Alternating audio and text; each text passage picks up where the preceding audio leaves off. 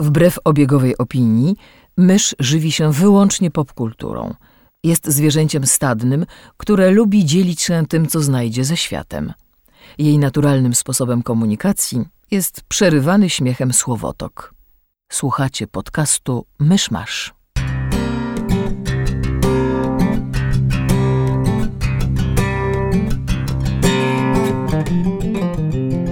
Drodzy słuchacze, jest 8 lipca 2019 roku. 121 lat temu śmierć przestępczego bossa mydlanego Smitha, zabitego w strzelaninie na nabrzeżu Juneau, uwolniła alaskańskie miasteczko Skagway z jego żelaznych żołdów. Uwielbiam Wikipedię. Zapraszam do specjalnego 235 odcinka podcastu Myszmasz specjalnego, bo nie mamy jeszcze sezonu, wracamy z przerwy wakacyjnej. Ja jestem Krzysiek Ceran, a ze mną przy mikrofonie siedzi mysz. Hello! Kamil Borek. Hej! I gościni specjalna, dawno niesłyszana w tym podcaście, Megu z kanału Katus Gigus. Dzień dobry. Woo, goście! Jej! Próbowałam sobie przypomnieć ostatnio, kiedy tu byłam u was ostatnim razem i nie potrafiłam. Dawno. To musiało być bardzo dawno. Był ten specjalny odcinek o filmach kung fu, który przespałaś w połowie, ale... Nie, nie, to mego musiało u nas być później. W każdym razie cieszymy się, że wróciłeś, bo wiesz, internet już zaczął spekulować, że nas nie lubisz czy coś. Mają rację. W każdej klocce jest ziarno prawdy. Drama! Słuchajcie, drama.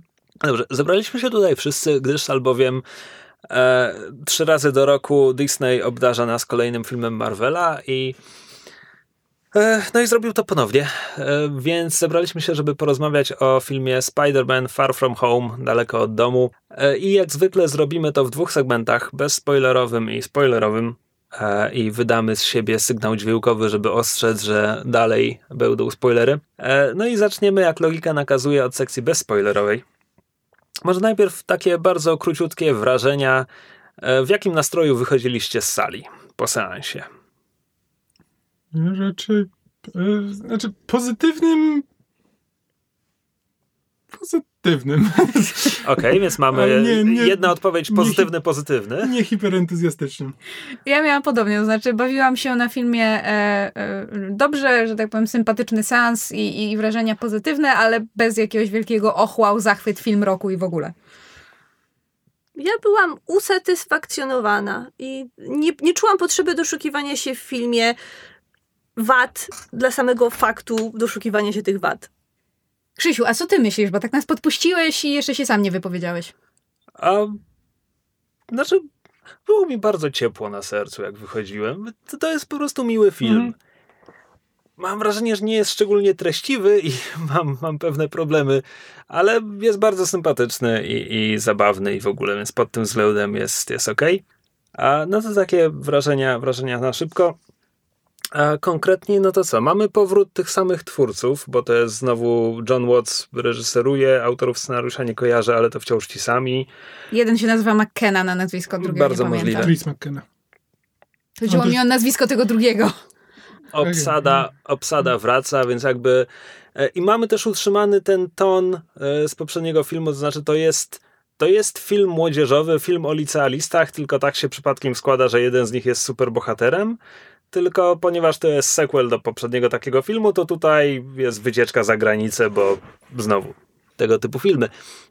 Tylko, że nie wiem, dla mnie trochę Mówiło się o tym, że, że to dopiero ten film zakończy czwartą fazę, że to będzie taki epilog do. e, Co, co ostatnio było Endgame. Um, I owszem, są tutaj motywy, no bo mamy ludzi powróconych po pstryknięciu Thanosa i była mowa o tym, że, że w tym Spider-Manie dowiemy się, jak ten świat teraz wygląda po tym wszystkim, a to się sprowadza do kilku gagów i pierwszych paru minut filmu i to jest zasadniczo No koniec. tak, że jest po prostu powiedziane, że owszem, część naszych kolegów jest teraz starsza niż my to pamiętamy i to jest dziwne. A potem reszta filmu zupełnie to nie wraca. Znaczy, świat wygląda dokładnie tak samo. I w, w ogóle zapomniałem o tym, że a, rzeczywiście tam jest... Ludzie Tak. blipnęli. No natomiast bardzo ważnym wątkiem kluczowym dla filmu jest oczywiście to, że mentorem Petera był Iron Man, któremu się zmarło było, więc teraz Peter jest z jednej strony trochę zagubiony, z drugiej strony e, czuje taką oczekiwania. E, to już drugi z kolei film o Spider-Manie i oczekiwaniach względem niego. Mhm.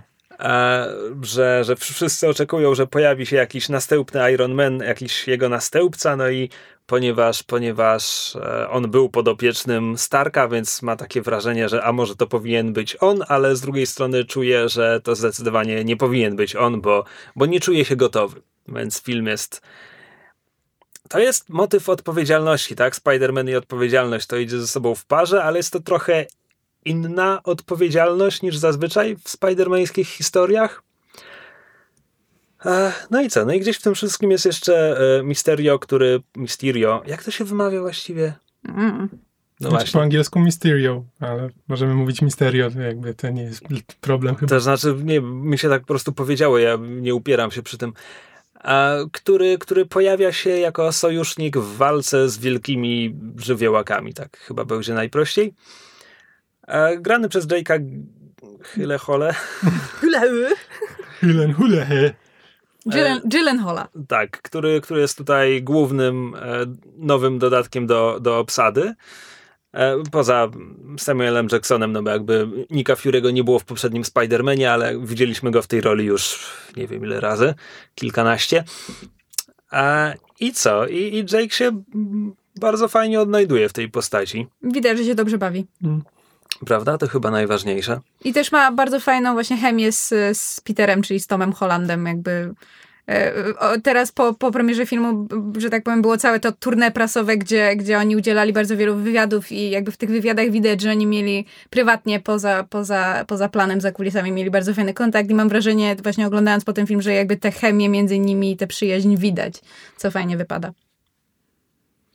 No coś w tym jest. Właśnie dwie najmocniejsze relacje filmu. To będzie, to będzie Peter i, i Mysterio, no i Peter i MJ. E, mhm. Ta druga wydaje mi się, że wypada nawet, że wybrzmiewa nawet mocniej i one obie są równoważne. To nie jest tak, że scenariusz kładzie większy nacisk na jedną z tych dwóch, ale wydaje mi się, że relację Petera z MJ robi lepiej e, niż, niż z Mysterio. Znaczy zdecydowanie jest na nią więcej miejsca w całym scenariuszu. No bo budowanie relacji między Peterem a Mysterio tak wydaje mi się, że się kończy w połowie filmu. No tak, tak. Plus jakby jeszcze relacja z MJ jest rozwinięciem tego, co było zapoczątkowane w pierwszym filmie. Ona była taka trochę statystką w pierwszym filmie, no ale wciąż jakaś tam relacja już była. Znaczy, więc... jakby relacja Petera z MJ jest jednym z głównych tematów tego filmu, a relacja Petera z Mysterio to jest taki bardziej jakby pod, wątek po prostu podkreślający pewne motywy filmu, a nie główny temat. Prawda, zgadza się. Przy okazji, czy ktokolwiek w tym filmie nazywa ją jeszcze Michelle? Nie. Bo w, w pierwszym hmm. filmie ona była Michelle i dopiero tam w przedostatniej scenie było, o, przyjaciele mówią mi MJ i był taki reveal tajnej mm -hmm. tożsamości.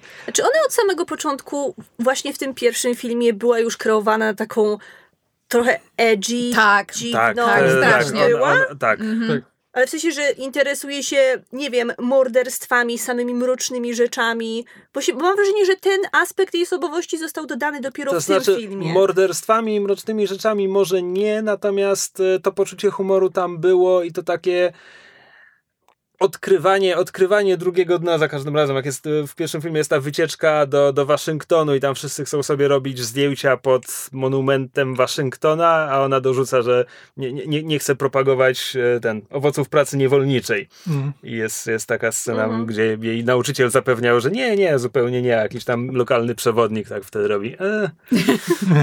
E, znaczy to się może wiązać z tym, co Krzysiek wspomniał, że jakby w pierwszym Spider-Manie MJ czy Michelle jakby rzeczywiście była trochę bardziej statystką, w sensie była jakby częścią klasy Petera i no tak, nie, nie, nie zdążyliśmy jej tak blisko poznać. Miała mniej więcej taką rolę jak Flash w pierwszym filmie i w tym hmm. filmie. Była tam. Hmm. Natomiast tutaj, tutaj wysuwa się na pierwszy plan, również dlatego, że spycha Neda na drugi. On jeszcze loaduje na drugim planie, powiedzmy.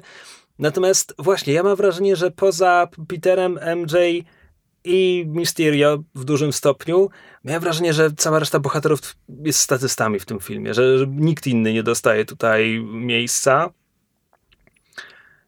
No, w sumie I druga moja uwaga ogólna jest taka, że ta konstrukcja, że oni mają wycieczkę po Europie, więc tam co chwila skaczemy z miejsca na miejsce, zamienia ten film w ciąg pojedynczych scenek, które jest tam jakiś wątek główny, ale miałem wrażenie, że to wszystko jest tak trochę. Pretekstowe? No, to pewnie będzie dobre słowo. Sympatyczne, ale mhm. jadą sobie i rzeczy się dzieją. Tak, no tak, rzeczywiście. Znaczy, e, e, ja mam wrażenie, że pod wieloma względami dostaliśmy taki film, jaki zapowiadały trailery. To właśnie trailery też były tak skonstruowane, że mieliśmy te przebitki właśnie na tam tu Wenecja, tu tam, nie wiem, Berlin, tu coś tam. I, i miałam wrażenie, że film jest dokładnie tak samo jakby skonstruowany, to znaczy są jakby takie winietki, są te takie sekwencje w każdym kolejnym mieście, ale ani to jakby jedno nie bardzo wynika z drugiego, jest trochę pretekstowo poprowadzone, ani tak jak Kamil zauważył, jakby mimo tego, że skaczemy po praktycznie całej Europie, praktycznie nie widać efektu właśnie tego, tego blipnięcia, czy jakby to tam tego nie tłumaczyć, czyli tego, że tam, prawda, połowa ludzkości zniknęła i jak to wpłynęło na, na rozwój pewnych miejsc, zwłaszcza na przykład właśnie takich bardzo turystycznych na przykład. Ja bym chętnie się dowiedziała, jak się rozwijał turyzm, znaczy ten turystyka w momencie, kiedy 50% planety zniknęło. Wenecja nie utonęła? Ktoś o nią zadbał? To czy generalnie chyba w, do, w, teorii cały świat powinien implodować wtedy, no bo nie dość, że ludzie fizycznie zniknęli, znikają ci fizycznie pracownicy, którzy powinni o ten świat dbać, nie wiem, tak. sprzątać, utrzymywać budynki, budować nowe. Pilnować elektrowni. Cokolwiek i po prostu tutaj w tym filmie żadnej konsekwencji tego blipnięcia nie ma. No i ja rozumiem, że po prostu rozwijanie tego może byłoby zbyt skomplikowane, bo tam jest tyle aspektów, które musieliby wytłumaczyć, żeby dla rządnych szczegółów fanów miało to sens, że pewnie nie, chcieli, nie chcieli po prostu za bardzo w to wchodzić, bo potem by się w tym tak zakałapućkali, żeby już z tego nie wyszli. Musieliby zrobić o tym cały film, tylko o tym, że ludzie blipnęli, a potem, że no, wblipowało ich z powrotem. Znaczy, ja bym bardzo chętnie zobaczyła ten film, w którym oni, że tak powiem, rozszerzają ten świat i pokazują nam, jak to wszystko y, wyszło, ale na przykład, jeżeli ktoś widział trailery, no to, to nie będzie duży spoiler, że na przykład, kiedy nasi bohaterowie dojeżdżają do tej Wenecji, to trafiają do obskurnego hoteliku, w którym mają nocować. I jakby, gdyby mi na przykład powiedziano, że ten obskurny hotelik wygląda tak obskurnie nie dlatego, że na przykład jest w Wenecji, która tonie, ale na przykład dlatego, że nie wiem, właściciele blipnęli, po powrocie musieli ten, ten hotelik jakby odrestaurować i nie zdążyli. Jakby to jest mhm. autentycznie jedno zdanie, które ci natychmiast budu- tak, daje bardzo dużo informacji. Nawet po prostu powiedzieć, że to jest tylko jakby jeden z wielu, jakby, że po prostu wszystko teraz wygląda trochę gorzej niż przed blipnięciem, no więc trzeba się do tego przyzwyczaić. Jakby ja też nie potrzebuję dużo, ja nie chcę, żeby oni się w to zagłębiali, tylko żeby ktoś jednak zwracał na to uwagę, że są jakieś konsekwencje w świecie. Znaczy fajnie by było, gdyby któryś, któryś film się tym zajął na poważnie, ale mogło to sobie zostawić na później. Na razie tylko wystarczyłoby mi takie delikatne sugestie, że hej, tak, wiemy, że to powinno mieć konsekwencje, nie przejmujmy się w tym filmie, bo to nie jest film do tego, ale jakby, ale jakieś elementy worldbuildingowe takie mogłyby zostać wplecione, że to jest w tym świecie. To jest trochę problem ogólny dla MCU, gdzie tam bardzo często konsekwencje są, nie tylko są poza kadrem, ale są w ogóle poza filmem. Mm. Konsekwencje rozgrywają się pomiędzy filmami i w następnym filmie dostajemy już, a konsekwencje, poradziliśmy sobie z nimi, mm. bo na przykład tutaj Poprzedni Spider-Man kończy się w scenie po napisach, kiedy ciocia May nakrywa Petera w stroju. I to jest, to jest temat, który komiksy eksplorowały parę razy, bo to jest zawsze bardzo ciekawe, zależnie od tego, w jakim mm. akurat jesteśmy świecie, jak wygląda konkretnie relacja tej wersji Petera z ciocią, jak ona reaguje na to, kiedy się dowiaduje, że on jest Spider-Manem i, i tak dalej. To wszystko jest szalenie ciekawe. To się wydarzyło między filmami. Mm. I tyle. I to jest kurczę, ja rozumiem, że pomysł na ten film jest inny, ale znaczy, tutaj podejrzewam, że to z tego wynikało, że to jest po prostu na zasadzie zróbmy zahaczki, później się jeszcze zobaczy, na czym będzie polegał drugi film, jeśli będzie. A, a potem stwierdzili, że ej, mamy fajny pomysł w sumie na film na wycieczce o Europie, więc tam po Europie, więc tam nie będzie cioci May, więc po prostu powiedzmy, że to się stało poza kadrem i już y, i ona nie ma problemu z tym, że Peter jest ten No i tutaj nie wchodząc w szczegóły, ale mamy znowu scenę po napisach, która znowu trochę wywraca do góry nogami rzeczy i ja w tym momencie się boję, że też nic z tego nie wyniknie dla postaci, bo to się rozegra pomiędzy filmami znowu. A jest już zaplanowany następny Spider-Man? E, Holland ma chyba kontrakt na trylogię Spider-Manów, plus tam pięć występów w innych filmach. Mhm. Znaczy to pięć wziąłem w powietrze, nie, nie cytujcie mnie. Mm, No ale to tak zawsze wygląda. No. A, a czy ja mogę przez chwilę po, po, pojęczeć? Bo, bo ja rozumiem, że pomysłem twórców na ten film było o, słuchajcie, weźmy tego e, przyjaznego, sąsiedzkiego Spidermana i wrzućmy go w Europie w różne, że tak powiem, okoliczności, gdzie on musi sobie radzić, gdzie ta odpowiedzialność jest ogromna, bo dopiero co, prawda, pomógł uratować świat w Endgame, więc jakby trzeba, trzeba teraz pokazać, że to nie jest tak, że on może spokojnie wrócić do tego swojego e, bardzo takiego zamkniętego życia, prawda, w Queens i, i że teraz jakby spoczywa na nim ciężar całego świata ale gdzieś we mnie jest jakieś takie poczucie na zasadzie, ale to jest to, co ja w Spider-Manie lubię, że to jest ten właśnie przyjacielski, sąsiedzki Spider-Man. I ja rozumiem, że on pomagał Avengersom uratować Ziemię w Endgame i że był częścią tej, tej wielkiej walki, ale właśnie przez to, że ten film tak pretekstowo to skakanie po Europie traktuje i w sumie właśnie mam wrażenie, że emocjonalnie o wiele jakby o wiele prawdziwiej wypada na przykład relacja z MJ niż dylematy Petera na punkcie Tonego i odpowiedzialności, która na nim spoczywa, że jakoś ta cała otoczka, żeby właśnie wrzucić tego Spidermana w szeroki świat i wszystkie z tym związane konsekwencje, jakoś mi nie jakby mam wrażenie, mam wrażenie że jakby nie dotrzymali obietnicy, że mieli fajny pomysł, którego, którego jakby w pełni nie wykorzystali i go nie dopełnili. Znaczy, nie wiem, czy to po prostu nie jest taki trochę specjalny. Znaczy nie, ja miałem cały czas skojarzenia z Eurotripem. To nie tylko dlatego, że to jest jakby wycieczka po Europie, ale po prostu konstrukcja jest bardzo podobna. Nawet jest muzyka prostu, jest podobnie wykorzystana. Był jeden film o wycieczce w Europie, wszyscy będą zawsze o nim pamiętać. Tylko zielonej wróżki nie było. Tylko, tylko w komedii to nie ma problemu, że komedia jest ciągiem skeczy. No właśnie o, o to mi chodzi, że jakby, że przez to, e, przez to porównanie, że jakby to nie jest tylko porównanie związane z tym, że no to jest komedia o wycieczce po Europie, ale jakby ten e, konstrukcja pokazanie tych krajów takie bardzo stereotypowe, na zasadzie pokażemy wam najważniejsze, najbardziej znane monumenty, pokażemy wam e, z, pokażemy wam parę postaci, które wpisują się w narodowe stereotypy e, i w, do tego wszystkiego będzie przygrywała folkowa muzyka każdego kraju. E, I to sprawia, że trudno jest mi ten film traktować poważnie, co z jednej strony mu pomaga, z drugiej strony przeszkadza, no bo pomaga mu, bo ewidentnie nie, ten film by nie uciągnął tego, gdybym jego zaczął traktować poważnie, to, to bym się tylko rozczarował. Więc jakby to, to porównanie, że to jest komedyjka e, zbudowana na narodowych stereotypach, jakby sprawia, że natychmiast daje mu trochę w, trochę ulgi i e, inaczej go oceniam, więc e, no ale potem właśnie po fakcie zaczynają się e, rozważania, czy biorąc pod uwagę e, stawki poprzedniego filmu i jak, jak poważny miał ten wydźwięk, czy teraz nagle wskakiwanie z powrotem w komedię to nie sprawia, że cały ten przekaz słabnie. Ja bym nawet nie przesadzał z tymi narodowymi stereotypami, bo zobacz, Peter praktycznie nie wchodzi w interakcję z ludźmi poza członkami swojej wycieczki to prawda. szkolnej i, i Nickiem Furym, więc tam są... E, no dobra, e, czy chcemy bezspoilerowo mówić jeszcze dużo więcej o filmie? Ja bym chciała tak niespoilerowo jeszcze, tak, bo y, troszeczkę bardziej w pozytywnym tonie dodać to, co mi się w tym filmie tak niesamowicie podobało i za co tak bardzo uwielbiam Toma Hollanda jako aktora i za jego kreację postaci całego, e, całego Petera Parkera, to jaki on jest autentyczny w tym graniu tego okłardnego nastolatka, który nie ogarnia życia. To jest po prostu tak absolutnie cudowne i, i to też to, film unika takiego jakiegoś niesamowitego patosu w- y, i pójścia w to, że szesnastolatek musi być niesamowicie odważny i wiedzieć wszystko o życiu. Nie, on się tam załamuje, on nie ma pojęcia, co, ro- jak sobie poradzić z tym, z tym brzemieniem, które zrzucił na niego Tony, kiedy, e, kiedy, kiedy umarł.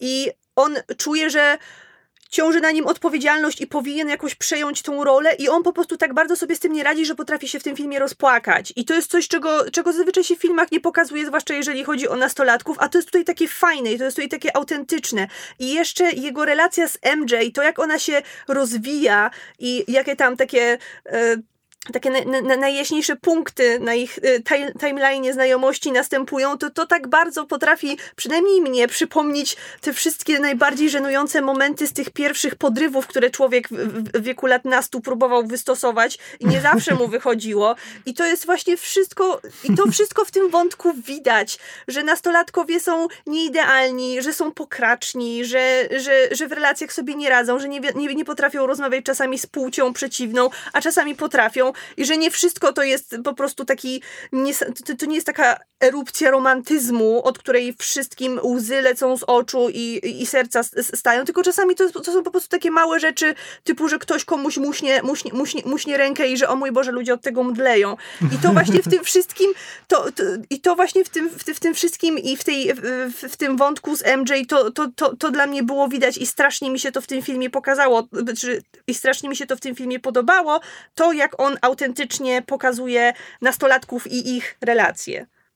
Tak, chociaż z drugiej strony, bo tak jak teraz mówiłaś e, a, a propos, że tak powiem, e, naszej kolektywnej młodości i tego, jak to człowiek smalił cholewki do, że tak powiem, osób, w których się podkochiwał, ja, ja mam takie wspomnienia, że na przykład, no bo myśmy dorastali, kiedy internet już był, ale jakby nie, na przykład zupełnie nie w takim stopniu, w jakim na przykład młodzież teraz wykorzystuje internet do, do, do komunikacji, czy właśnie na przykład do flirtów i tak dalej. I właśnie teraz, jak o tym mówiłaś, zdałam sobie sprawę, że w tym filmie te dzieciaki w ogóle nie korzystają z telefonów. I jakby ja rozumiem, że one są na wspólnej wycieczce i jakby mogą zapukać do, do po sąsiedzku do, do drzwi w, w hotelu i, i, że tak powiem, pogadać, ale wydało mi się to strasznie dziwne. Teraz jak wspomniałaś jakby o, o, o dorastaniu i, i, właśnie wszedł mi taki jakby kontekst social media i, i, internetu i tego, jak to się wszystko rozwija. W ogóle w tym filmie tego nie ma. No bo scenariusz pisali ludzie w naszym wieku lub starszym. tak, chciałem powiedzieć, że jakby ja miałem skojarzenia z wycieczkami, które rzeczywiście jakby... E, w z czasów latach, sprzed tak, internetu. Tak, w latach 90. to jest, e, czy no, wczesnych 2000 się na ten, ze szkoły jeździło i rzeczywiście tak wyglądały nasze wycieczki. Tylko, że Podejrzewam, potem... że jakby współczesne wycieczki wyglądają I trochę wiecie, inaczej, ale nie wiem jak. Co było najważniejsze na takich wycieczkach? Kurna, tak wykombinować sytuację, żeby usiąść obok tej osoby, obok której chciało się usiąść. To, była pokażę. najważniejsza rzecz. Tak. I to jest w tym filmie pięknie pokazane. I to jest bardzo prawdziwe, ja się z tym identyfikuję. Ale, ale żeby było śmieszniej, jakby tak rzeczywiście jest ten klimat jakby oldschoolowych wycieczek, a z drugiej strony to jest strasznie film jest skontrastowane z tym, jak bardzo on jest hiperfuturystyczno-technologiczny ze względu na to, że na miłość boską to jest Marvel Cinematic Universe i jakby ich tak, technologia tak, jest strasznie do przodu. do przodu. No właśnie, więc to po prostu wypada jakiś taki dziwny dysonans. Znaczy, no, Marvel zawsze ma z tym problem, że jakby te, teoretycznie w świecie Marvela istnieją wyjątkowo zaawansowane technologie, które absolutnie nie spływają do normalnego życia. To jest wszystko tylko i wyłącznie Shield najwidoczniej tak dobrze siedzi na tych wszystkich technologiach, że absolutnie nie pozwala nikomu z nich korzystać. Or does it? Mm. Mm. Dobrze, ale myślę, że w ten sposób przechodzimy e, automatycznie do sekcji spoilerowej. Uwaga, to jest paszczowy sygnał dźwiękowy. Uwaga, spoiler. E, co? Uwaga, spoiler. Uwaga, spoiler. Myślałam, że się bardziej postarasz. Nie, nie, nie. Proszę bardzo, Kamil Karetka. Jakiś odgłos ostrzegającego wieloryba, żeby inny na niego nie wpadł. Proszę bardzo. I'm a Cicho. Dobrze, e, przechodzimy do sekcji spoilerowej, zanim wszystkich nas ogarnie głupawka. E, od czego zaczniemy? Może od Mysterio. Może tak. Czy ktoś dał się nabrać? Nie, ale... Spodziewał się pozytywnej postaci po Mysterio. Internet mi, mi, internet mi zepsuł, bo jakby ja nie znam postaci Mysterio z komiksów. W ogóle? Nie, nie w ogóle. Ja, ja nie czytałam Spidermana, nie oglądałam kreskówek. Jakby moja wiedza o Spidermanie jest bardzo ograniczona jakby przez, przez y, osmozę popkulturową i ja nie znałam Misterio i jak ktoś napisał na zasadzie, no to Misterio oczywiście, że będzie zły. Ja miałam takie, o. Okej. Okay. Znaczy tak, no, trzeba, trzeba nie znać postaci Misterio, żeby dać się prawdopodobnie na to nabrać. Nie, trzeba by nie znać, nie wiem, ostatnich 50 lat w Hollywood, żeby się na to nie nabrać. To już sam, znaczy... samo to, jak zwiastuny były kręcone i jak postać, jaką rolę postać Misterio odgrywała w tych zwiastunach, to było tak po prostu nawet to, to, było tak zwodnicze, że nie dało się, to znaczy tak słabo zwodnicze, że nie dało mhm. się na to nabrać. Tak, znaczy... Nawet konstrukcja filmu na to nie pozwala, bo to jest, film jest tak zbudowany, że e, mamy wprowadzenie, że ej, są teraz żywiołaki, dwa już pokonaliśmy, trzeciego pokonaliśmy na samym początku, teraz będzie, teraz będzie wielkie finałowe starcie z tym ostatnim, jak go pokonamy, to uratujemy świat. E, jest połowa filmu w tym momencie, więc nie myślcie o tym za bardzo, e, bo na pewno nie pojawi się żaden nowy przeciwnik w tym momencie, tylko teraz będziemy walczyć z tym ostatnim żywiołakiem, który nigdy wcześniej się nie pojawiły i właściwie tutaj nawet nie mają żadnego powodu, żeby się pojawić na tym świecie. Misterio też nie ma powodu, żeby się pojawić, ale po prostu wszyscy o tym nie myślmy za bardzo. Znaczy, yy powód, dlaczego e, In World e, za bardzo nikt tego nie kwestionuje, czyli ten jakby Stinger, który jest na koniec filmu, dla mnie po prostu jest absolutnie cudowny. E, natomiast jeszcze a propos tego, jak film jest zbudowany, to wydaje mi się właśnie, że biorąc pod uwagę, jak szybko i intensywnie Misterio i, i Spider-Man zaczynają się dogadywać i jakby nawiązywać więzi, jakby widać, że Peter właśnie szuka tego kolejnego jakby następcy. Father figure. Tak, father figure, który, który w jakiś sposób go wesprze i mu powie toś, toś, pad, pad, wszystko będzie w porządku. To jakby też tak patrzysz na to i myślisz sobie wow, to szybko idzie. To jest zbyt piękne, żeby było prawdziwe. To się musi zaraz po prostu posrać kompletnie. Hmm. Rzeczywiście jest, jest, jest, jest coś takiego w całej tej konstrukcji, że, że, że trudno było dać się nabrać. Tak, co powiedziawszy, podoba mi się pomysł na Mysterio. Przede wszystkim podoba mi się pomysł na to, żeby zasadniczo zrobić z niego organizację. Bo okej, okay, mamy sobie, jest jeden Quentin Beck, ale nawet on sam, bez, bez tych wszystkich ludzi, którzy mu pomagają, raczej by tego wszystkiego nie zorganizował. I nawet jeśli mu się naprawdę zmarło było na koniec, a film nas zapewnia, że naprawdę mu się zmarło było, no to ci wszyscy ludzie wciąż tam są, wciąż mm. mają tę technologię i jakby Mysterio jako organizacja może, może wracać. Zresztą jest pokazane, że właśnie ten jego pomocnik ściąga wszystkie dane na pendrive'a. Tak, tak. No i, i, i, nawet, nawet Gyllenhaal może jeszcze wrócić w roli, bo może po prostu mm. grać holograficznego siebie, a nie, mm. nie żywego. E, więc to wszystko było, to wszystko było spoko. Mm. Co sądziliście o jego iluzjach? I nie mam na myśli żywiołaków, mam na myśli, kiedy już się zaczynają takie typowo komiksowe, gdzie on próbuje znaczy, mieszać w głowie Spider-Manowi. Znaczy, to jest Scarecrow. To, to były sekwencje Mysterio. z Arkham Asylum, prawda? Tak, to jest po prostu, to jest czysty Scarecrow i ja się cały czas zastanawiałem, znaczy musiałem jakby spychać na zasadzie nie myśl o tym, nie myśl o tym, nie myśl o tym, ale cały czas miałem takie nie myśl o tym, że to kompletnie nie ma sensu. To, co on robi w tym momencie z Peterem, jakby biorąc pod uwagę, że jakby mamy powiedziane, że to są wszystko jakby hologramy.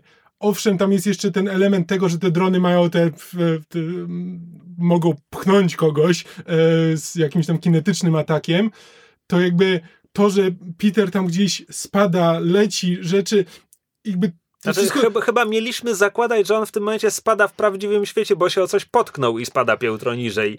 Tak, ale to nie wszystko ma sens. Znaczy, ten, znaczy, te, to wszystko wygląda tak, jakby te, te iluzje miały na niego wpływ. Tam jak nagle, nagle coś wskakuje wiesz, z lewej strony ekranu, to Peter robi tak, jakby się nagle zatrzymał, że nagle, nagle, go, nagle nim rzuca.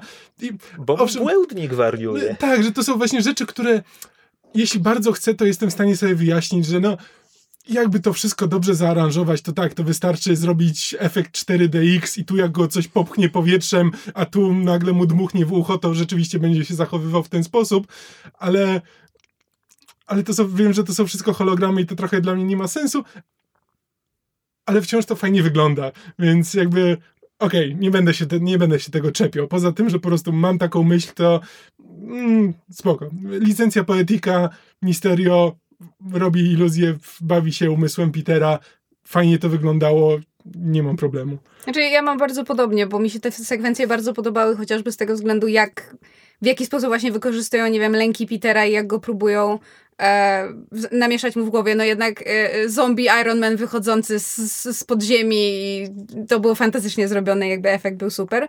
E, mam podobne, w sensie jakby zawieszenie niewiary musiałam sobie tam gdzieś wysoko na kołku powiesić, żeby się nad tym nie zastanawiać. Natomiast sam fakt jakby wykorzystania hologramów czy iluzji jakby w szerszym kontekście tego, że, że nie wiesz, co jest prawdziwe, nie wiesz, komu ufać, nie wiesz, co jest, co jest fikcją, a co jest rzeczywistością w całym kontekście jakby filmu i, i, i właśnie takiego jakiejś wiary w siebie, którą Peter musi w sobie odnaleźć i, i, i jakoś pewne rzeczy po prostu pokonać, też jakieś osobiste lęki, to mi się bardzo podobało. Co nie zmienia faktu, że to finałowe, e, finałowe e, jakby rozwiązanie problemu, gdzie on korzysta ze swojego Spidey senses, żeby rozkminić, to co jest... To nie był Spidey sense, on został Jedi w tej scenie. No właśnie, jakby jakby abstrahując od, od tego, że został nagle Jedi i po prostu wyczuwał wszystko i, i, i, i umiał robić wszystko, to jakby fakt, że ten Spidey Sense który się okazuje tym, tym końcowym rozwiązaniem, nie został pokazany w żaden jakby fajny sposób. Ja, ja wiem, że to jest głupie domagać się tych właśnie tych, tych zygzaczków z animacji, które wskazują, że, że Spider-Man w tym momencie coś wyczuwa swoimi instynktami, ale no kurde, no macie taką technologię i jesteście w stanie zrobić wielkiego żywiołaka, który atakuje London Bridge, a nie możecie pokazać mi Spidey Sense. Mm, znaczy, ja jeszcze co do iluzji e, Misterio, e, ja się trochę za bardzo oszukałem, znaczy, bo e, w pewnym momencie, jak się już okazuje, że cały ten plan Misterio polega na tym, żeby zdobyć Edith od Petera, ja byłem przekonany, że cały Shield w tym filmie jest iluzją, że jakby, e, że Nika Fury'ego i Marie Hill nie ma w tym filmie, że to są też iluzje Mysterio. Well, technically you are not wrong. Bo, znaczy, no tak, to jest jakby druga warstwa tego, nie tylko, że jakby byłem przekonany, że po prostu że okej, okay, tego, tego nie ma, jakby i też że to, że się e, Nick Fury i Maria Hill jakby nie do końca są charakterologicznie zawsze ten, to jest związane z tym, że to jest, że to jest wszystko udawane. E, potem się okazuje, że jest udawane, ale przez zupełnie inną osobę niż nam się wydawało, więc to jest jeszcze większy mindfuck. E, nie wiem, bo teraz przechodzimy do sceny po napisach, a jesteśmy ten, e, ale... W, nie, może... jeszcze chciałam... Biorąc pod uwagę, że... zar, zar, zar, ja jeszcze chciałam tylko dodać, tak? Co chciałaś jeszcze dodać? Nie, że, żeby tak już y, y, totalnie pozbawić ten film całego sensu. W sensie iluzje Misterio nie mają prawa działać, ponieważ w pewnym momencie dostajemy scenę, w której nam tłumaczą, jak one powstają. Że on, jak ten reżyser z Hollywood, sobie planuje, jak te wszystkie, jak, y, jak te wszystkie iluzje Drony. mają wyglądać, więc on zawczasu musi zaplanować, co te iluzje robią. Więc na przykład iluzja, w której on udaje, że jest postrzelony, żeby Petera oszukać, nie ma tak na... Jeżeli on tego nie zaplanował wcześniej, dużo, dużo wcześniej, napisał z całego scenariusza do tej iluzji, a zakładam, że to musiało być w jakiś sposób spontaniczne, no to po prostu to wszystko nie miało sensu. On musiałby mieć nieskończoną ilość iluzji przygotowanych wcześniej, żeby je wykorzystać, jeżeli akurat na polu bitwy dojdzie do takiej określonej sytuacji. Znaczy, znaczy akurat... taki nie, w moim zdaniem, bo to jest różnica pomiędzy y, wyreżyserowaniem wielkiego żywiołaka, który jakby nie jest jest e, jakby jest iluzją, która powstaje w, w, w komputerze, a na przykład iluzją jego samego, która jest e, kombinezonem motion capture. Czyli jakby on tylko musi mieć, według jakby techniki komputerowej, musi mieć wyrenderowany swój fikcyjny obraz, swoją iluzję, swój hologram, ale jakby nie musi mieć zaplanowanych animacji, bo on może ją odegrać swoim motion capture suit i ona to wszystko pokaże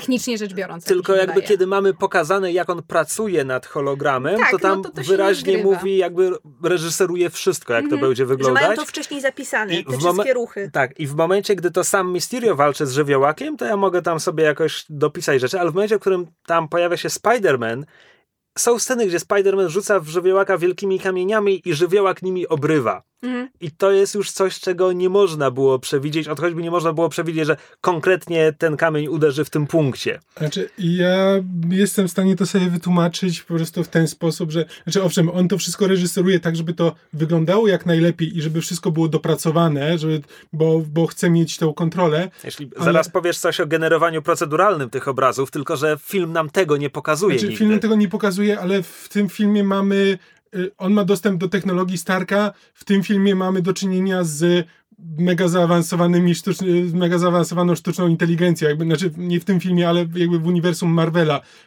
Sztuczna inteligencja istnieje y, jest super zaawansowana i Stark nad nią pracował.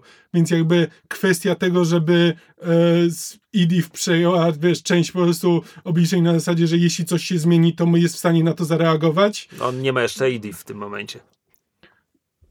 Mówimy o walkach z żywiołakami. No dobra, okej, Znaczy, okay, no, to później, ale no to... Drony mogą mieć wpisane w swoje oprogramowanie, że jeżeli Ale- na przykład w ich stronę leci jakiś kamień, to mają te, te one od siebie go odpychają, a animację ma wyrenderować Znaczy- efekt taki, jakby znaczy, był ranny. Idif, No, Idif nie ma, ale on pracował u Starka. On ma dostęp do całej technologii Pewnie. jakby On Starka. on ją na... wymyślił. Tak, no. więc... Ar argument mój i Megu jest taki, że mamy jedną scenę, gdzie Nie, widzimy, jak absolutnie. Mysterio nad tym pracuje i ta scena z tej sceny absolutnie nie wynika, żeby to miało działać tak, jak mówicie, że to musi działać, żeby to miało Znaczy, sens. Jak najbardziej. Tak, ale nie, bo z drugiej strony z tej sceny...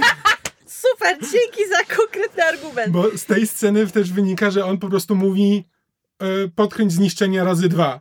I, w, e, I te zniszczenia się jakby generują po prostu. To nie jest to, że on, że okej, że ten filar, żeby teraz było więcej, e, więcej odłamków, tylko na zasadzie zniszczenia razy dwa i komputer się tym zajmuje. Czyli co może powiedzieć, podkręć wiarygodność razy dwa i to będzie działało właśnie tak jak Nie, chcemy. no wiesz, na zasadzie, że wiesz, zaprogramować parę, że wiesz, że jeśli coś, coś atakuje, no to jesteś w stanie, że to żeby odbił, odbił nadlatujące obiekty i, i schował je w tym momencie. Tak szczerze mówiąc, to ja wam powiem, że ja to powiedziałam, nie licząc w ogóle na to, że dyskusja pójdzie w tym kierunku, bo ja po prostu wiem, że czasami w filmach musimy zaakceptować to, że niektóre rzeczy nie mają sensu, ale dziękuję bardzo, że złapaliście haczyki w to poszliście. Nie, ja to absolutnie rozumiem. Dla mnie to po prostu, wiesz, to jest tak jak z tą sceną iluzji e, a la Scarecrow. Jakby mam do tego, mam wątpliwości co do tego, jak to działa w tym świecie, czy jakby to zostało pokazane wystarczająco dobrze, żeby, żebym ja w to uwierzył. Ale na dłuższą metę to nie ma dla mnie większego znaczenia. Możemy sobie o tym porozmawiać, bo, bo ciekawie jest sobie tworzyć teorie na temat świata, ale na dłuższą metę no to naprawdę nie ma takiego znaczenia dla filmu. Jakby to, czy to jest tak zrobione, to nie wiem, nie, nie, nie, nie, nie wpływa na mój odbiór. Znaczy, nie wpływa w tym sensie, że to, czy to, to ma ręce i nogi jakby logicznie i, i, i czy ma sens, czy nie, to jestem w stanie jakby o- odłożyć na bok i po prostu cieszyć się filmem, ale ja już pod koniec filmu, jeśli chodzi o sceny akcji, w momencie, kiedy właśnie mamy całą niemalże sekwencję w e, Londynie, e, gdzie Peter w pewnym momencie walczy autentycznie z milionem dronów i po prostu zamiata nimi podłogę i ja już w pewnym momencie przestałam nawet patrzeć na ekran i czekałam, aż to się skończy, bo jakby Hmm. nie dało się tego śledzić, jakby stawka była praktycznie zerowa, no bo to są y, prawda, drony, to są, to są, to są nieistotne kawałki metalu i jakby wiemy, że Peterowi nic się nie stanie, bo na miłość boską jakby Peter Parker nie zginie w tym filmie. I jakoś tak był straszny chaos jeszcze z tymi właśnie z tymi na poły wyrenderowanymi iluzjami, ze skakaniem z jednej sceny do drugiej, co się dzieje z MJ i resztą ekipy, co się dzieje z Nickiem Furym i, i Marion Hill, co się dzieje z Peterem, co robi Misterio i jakoś tak w ogóle walki w tym filmie miałam, strasznie się przy nich Znaczy- wyłączałam. Y, Przy tej walce przy moście, no to tak, jak jest chmara, y, chmara dronów i po prostu y, Peter robi Mario, skacze po tych dronach i tam je niszczy po kolei, to te, też tak oglądałem na zasadzie, no, no jest e, scena akcji bogata w efekty specjalne, ale na przykład dużo, dużo fajniej mi się oglądało te sceny trochę później, jak już, y, jak Peter sobie robi tarczę i, e, i maczugę, bo tam przynajmniej jest jakaś choreografia, ma to jakiś, ma to, to nie jest tylko, wiesz, skakanie i niszczenie, tylko autentycznie wiadomo, że Peter próbuje zrobić bardzo konkretną rzecz, walczy z dziesięcioma może dronami naraz, a nie takie, wiesz, a nie taka ogólna, patrzcie, teraz się dużo dzieje. To może być mój ulubiony moment w filmie, jeśli chodzi o sceny akcji, również dlatego, i to jest mój problem w ogóle z pomysłem na Spidermana w MCU, gdzie, że Peter Parker e, jest, jest naukowcem. Znaczy, ten filmowy jeszcze nie jest, bo jest za mały, ale jakby ma taki umysł i tak dalej. Jest nerdem. I, I on w komiksach, jak trzeba, to, to wymyśli, jak pokonać przeciwnika, przygotowując do tego jakiś gadżet albo improwizując. I jakby scena z maczugą i, i, i tarczą to jest właśnie to. Natomiast to, że on przez cały czas ma dostęp do technologii Ironmana i przez cały czas ma te gadżety, to we wszystkich tych filmach mi y, się nie podoba. W sensie w Civil War tego jeszcze nie miał, ale potem już od Homecoming ma, ma drony, ma sztuczną inteligencję w kostiumie i tak dalej. I to po prostu to mi nie pasuje do tej postaci, bo, bo znowu wracamy do przyjaznego Spidermana z sąsiedztwa. On tego na co dzień nie ma, bo tego nie potrzebuje, ale no w, w ramach szerszego MCU, kiedy Iron Man jest jego mentorem, no to jakby to trochę bez sensu, żeby tego nie miał, no bo, bo skoro może to mieć, to, to czemu ma się z tego wyrzec? Tylko, że Spider-Man jest, jest gościem, który jakby zajmuje się czymś innym normalnie. Ale czekaj, bo zmierzam po prostu do tego, że film nawet się reklamował tym hasłem i ja się po prostu poczułem oszuki, oszukany, bo w zwiastunach była kwestia Happy'ego jesteś sam, e, twoi kumple są w niebezpieczeństwie, nie masz swojego sprzętu i co teraz zrobisz? I ta scena jest w filmie i Peter mówi, to jest ten moment, kiedy on się zbiera w sobie i mówi, skopie Mysterio tyłek. A Happy pyta, ale co konkretnie? A, a Peter mówi, no konkretnie to lecimy do tralala i pół minuty później Happy dodaje, a w ogóle jeśli chodzi o kostium, sprzęt i w ogóle to, to tam, tam masz zaplecze, tam jest... Minutę po tym, jak pada ta kwestia, która sugeruje ci, że teraz w finale zobaczymy, że Spider-Man jest Spider-Manem niezależnie od tego, czy ma technologię, czy nie. Minutę później on dostaje wszystkie gadżety z powrotem mm. i nowy kostium. Ale wiesz, czemu miała służyć ta scena? Bo ta scena miała służyć temu, żeby no pokazać, wiem. jak bardzo Peterowi jest blisko do Tonego. Tak, że on, mhm. że on jednak jest, był jego jakimś takim mentalnym ojcem. I ja nie ukrywam, że mnie ta scena w ten sposób, na mnie to zadziałało, bo mnie to bardzo rozczuliło, kiedy widać było, i Happy też to widział, bo to jego oczami właśnie mieliśmy to oglądać, że y, Peter tak bardzo przypomina Tonego, kiedy mu się da właśnie mnóstwo tej nowoczesnej technologii i on wciąż potrafi zrobić użytek z tego swojego wewnętrznego geniuszu w dobry sposób, wykorzystując tą technologię na, na własny użytek. Jasne, po prostu liczyłem na inny finał. Jakby ta kwestia, jakby słyszałem ją w zwiastunach, doczekałem się jej w filmie i po prostu liczyłem na coś zupełnie innego niż, niż dostałem. I, I dlatego byłem rozczarowany. Natomiast to po co ta scena tam jest i tak, że młody Peter wygląda jak, jak Tony, tylko bez brody, okej, okay, tak, no doceniam to wciąż wolałbym, żeby to wyglądało inaczej. Ja też mam z tym taki trochę inny problem, trochę pewnie bardziej ideologiczny, znaczy, że e, znaczy w momencie, kiedy mamy powiedziane, że Peter dostaje od Tonego warty miliardy dolarów system obronny składający się z setek, jeśli nie tysięcy dronów. W ogóle uwielbiam ten fakt, że Tony Stark miał mordercze drony na orbicie. Tak, no właśnie, że, no właśnie o to mi chodzi i po pierwsze, y, same Iron Many, jakby ze trzy razy już podchodziły do tego, że hej, Tony jest, Tony jest sprzedawcą broni, który dochodzi do wniosku, że e, może jednak nie powinien tworzyć tej broni, tylko zająć się tam pomaganiem innych. Nie, on zasadniczo dochodzi do wniosku, że może nie powinien już sprzedawać swojej no, broni. Tak, tak, że, że musi, się, musi sam za, e, za, się tym zająć.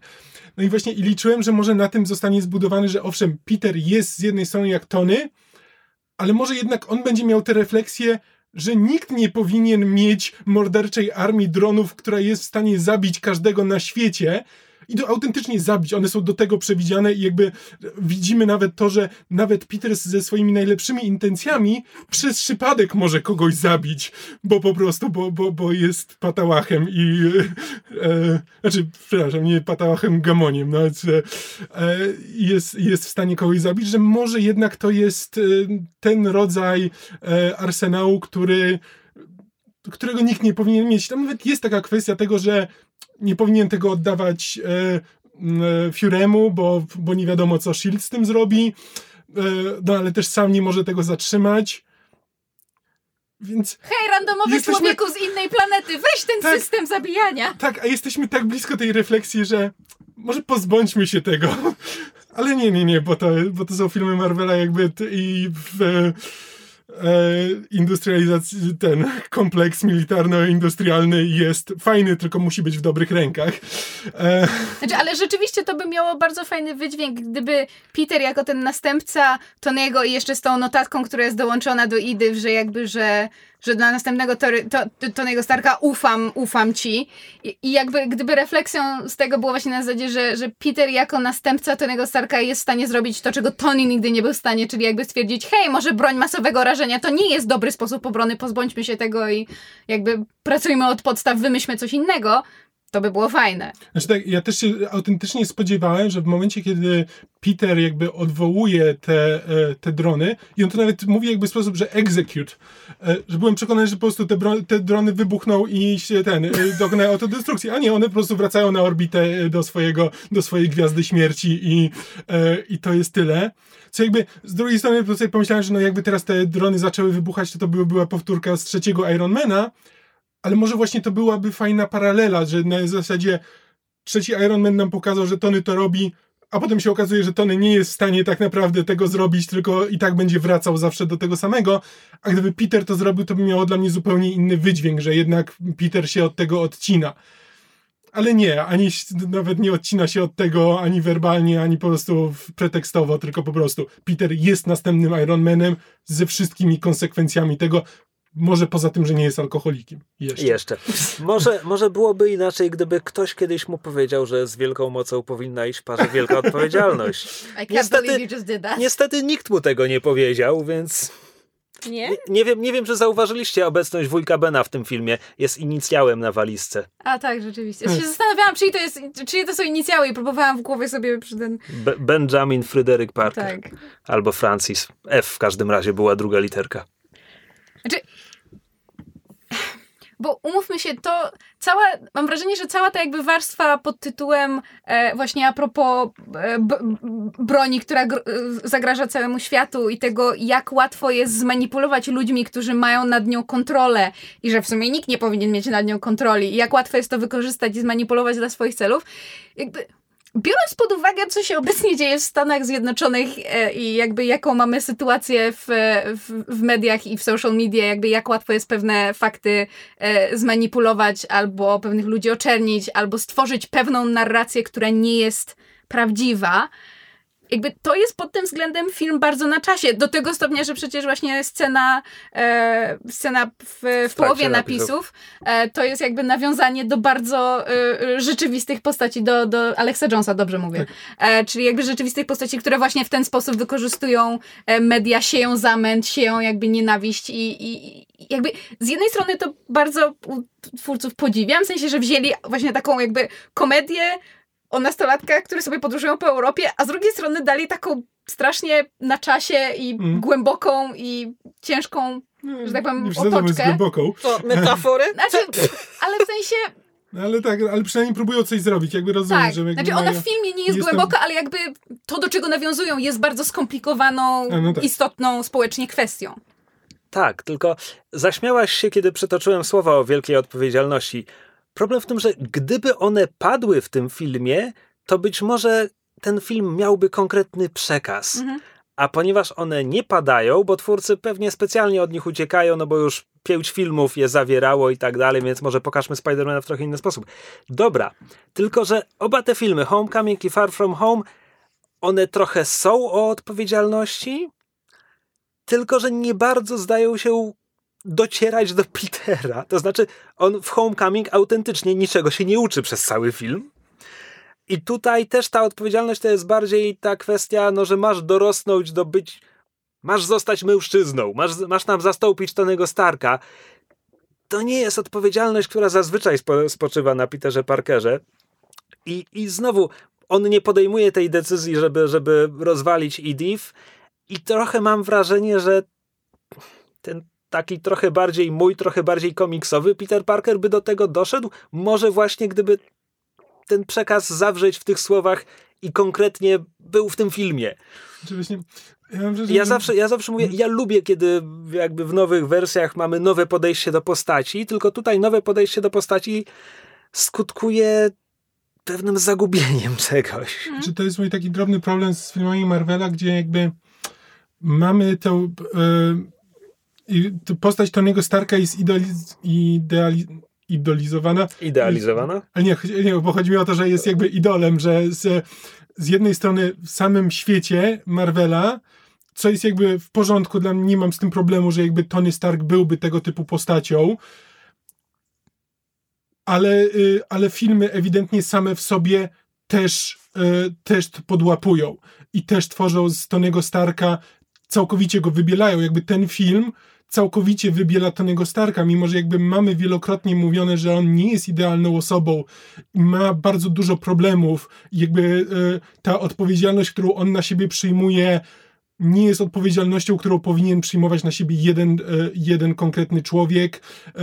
Tony się wielokrotnie ma z tym problemy. I w tym momencie, właśnie kiedy kolejny film, który nawiązuje do tego bezpośrednio, do tego, że tworzy następcę Tony'ego Starka, i mówi nam, że Tony Stark jest tym ideałem, do którego należy dążyć, e, to ja mam z tym problem, no bo jakby kompletnie zapominamy o tym, że nie, Tony Stark nie jest ideałem, do którego należy dążyć. Tony Stark jest głęboko, e, z, głęboko problematyczną postacią, i to, że świat Marvela tego nie widzi, jest w porządku. To, że sam Marvel tego nie widzi, trochę powoduje u mnie e, pewne wątpliwości i trochę mnie to martwi. Plus jakby, ja, ja, przez cały film miałam, znaczy nawiązując do tego, co Megu mówiłaś a propos tego, że jakby to, jak fantastycznie Tom Holland odgrywa właśnie w tym filmie te, te wątpliwości i to, że wszyscy na niego próbują zrzucić tę odpowiedzialność i jak on się z tym boryka i że on te, te emocje w widoczny sposób przeżywa, co mnie strasznie wzruszało, to jakby jak się nad tym zastanowić, to po pierwsze, fakt, że na tam 16-latku spoczywa taka ogromna odpowiedzialność, to już samo w sobie jest e, okropne i właśnie jak dodamy jeszcze do tego problematyczną spuściznę Tonego Starka, to jest jeszcze bardziej e, skomplikowane. Ale to, co mi strasznie w tym filmie przeszkadzało, jest to, jak bardzo wszyscy w niego w tę odpowiedzialność muszają. I jakby miałam takie skojarzenie, że ej, sorry, ale to nie jest dobry sposób, żeby wychowywać młodzież, w sensie jakby dawać im właśnie do zrozumienia, że że hej, że tylko jedna osoba może być odpowiedzialna za bezpieczeństwo mm. i dobro całego świata. To jest właśnie to bezmyślne powielanie wzorca danego Starka pod tytułem jedna osoba może zbawić cały świat. W momencie, kiedy, zwłaszcza kiedy mówimy o Peterze Parkerze, Parkerze który właśnie jest tym friendly neighborhood Spider-Man, to właśnie powinno być znaczy mówię, nie czytałam komiksów, ale wydaje mi się, że powinni raczej dążyć w kierunku tego, że, że hej, że Spider-Man jakby zdaje sobie sprawę z tego, jaką na przykład siłę ma, właśnie nie wiem, więzy przyjaźni, e, że tak powiem, działanie grupowe, czy całą, że tak powiem, lokalną społecznością i jakoś to fakt, że, że, że z jednej strony on jest na tej szkolnej wycieczce i coraz więcej osób się dowiaduje o jego tajnej tożsamości i są bezpośrednio w niebezpieczeństwie, a jednocześnie mamy pokazywane, że próbują sobie z nim radzić i nie są zupełnie bezbronne, jakoś fakt, że to nie zostaje połączone razem w hej, jako grupa próbujmy coś z tym zrobić. Znaczy też teraz e, jakby do mnie dotarło też jakby teraz przeszliśmy do proble problematyczne kwestie Spidermana. E, Ups ale e, jest tym coś takiego, że e, w tym filmie e, Peter nie chce być superbohaterem, chciałby być po prostu normalnym dzieciakiem. Wszyscy dorośli w jego życiu indoktrynują go do tego, że nie powinieneś być superbohaterem, powinieneś wziąć na siebie tę odpowiedzialność, która która zabiła Tony'ego Starka, która przez lata sprawiała mu ogromny ból i ogromne problemy, a ty to powinieneś wziąć na siebie. I jakby wszyscy dorośli go indoktrynują. Kiedy tak to ująłeś, zmieniam zdanie. X-Men idealnie się odnajdą w MCU. Tak, znaczy nawet, bo, nawet ciocia May tak, na niego no naciska. o to chodzi, że jakby happy, happy mu to powtarza, no bo Happy jest zapatrzony w Tonego i chciałby też zobaczyć to samo w Peterze. E, Fury mu to powtarza, bo Fury jakby jest od tego, żeby tworzyć superbohaterów i nimi kierować, więc jakby no, Fury poprzez e, e, jak, jak mu tam... Jak Talos. Talosa. Z króla. E, no ale jakby, ale to jest jakby wciąż, e, Talos działa w, ewidentnie w porozumieniu z Furym, jakby taka jest, taki jest zamysł, żeby e, obudzić w, w Peterze superbohatera po to, żeby S.H.I.E.L.D. mógł go wykorzystywać. No i sama ciocia May, która wpiera mu to, że hej, zawsze będziesz Spider-Manem, niezależnie od tego, czy tego chcesz, czy nie. I ja to wiem i masz tu swój kostium. Więcej, nawet Ned wielokrotnie w trakcie filmu wywiera na Peterze presję pod tytułem musisz nas uratować, jest, od ciebie wszystko zależy. To jest dla mnie w porządku. Gdyby to było sprowadzone do tego, że jakby rówieśnicy Petera mu jakby uświadamiają te rzeczy, to jakby okej, okay, to jest jakby jeszcze można to czytać jako kwestia pokoleniowa, jakby na zasadzie, że to jest jakby to jest to nowe pokolenie, które musi przejąć tą schedę i po prostu przyjmuje na siebie, jakby Peter jest tym e, centralnym punktem, wokół którego to się będzie skupiało, ale wszyscy są tam z nim, są gotowi mu pomóc, więc go zachęcają też do tego, żeby on też to, e, żeby wszyscy razem e, stworzyli, e, stworzyli Spidermana i byli, byli też dla niego wsparciem. Ale właśnie to, że e, jakby w grupie jego rówieśników, no to tam różnie wygląda, jakby pewnie Ned jest tym zajarany, ale ten jakby MJ, e, MJ nie za bardzo się do tego odnosi, poza tym, że po prostu jarają to, że wykombinowała, kim jest Spider-Man i tak dalej, ale właśnie, ale wszyscy dorośli, to poprzednie pokolenie na niego napiera i próbuje, e, i próbuje wmusić w niego coś, do czego, czemu on się sprzeciwia.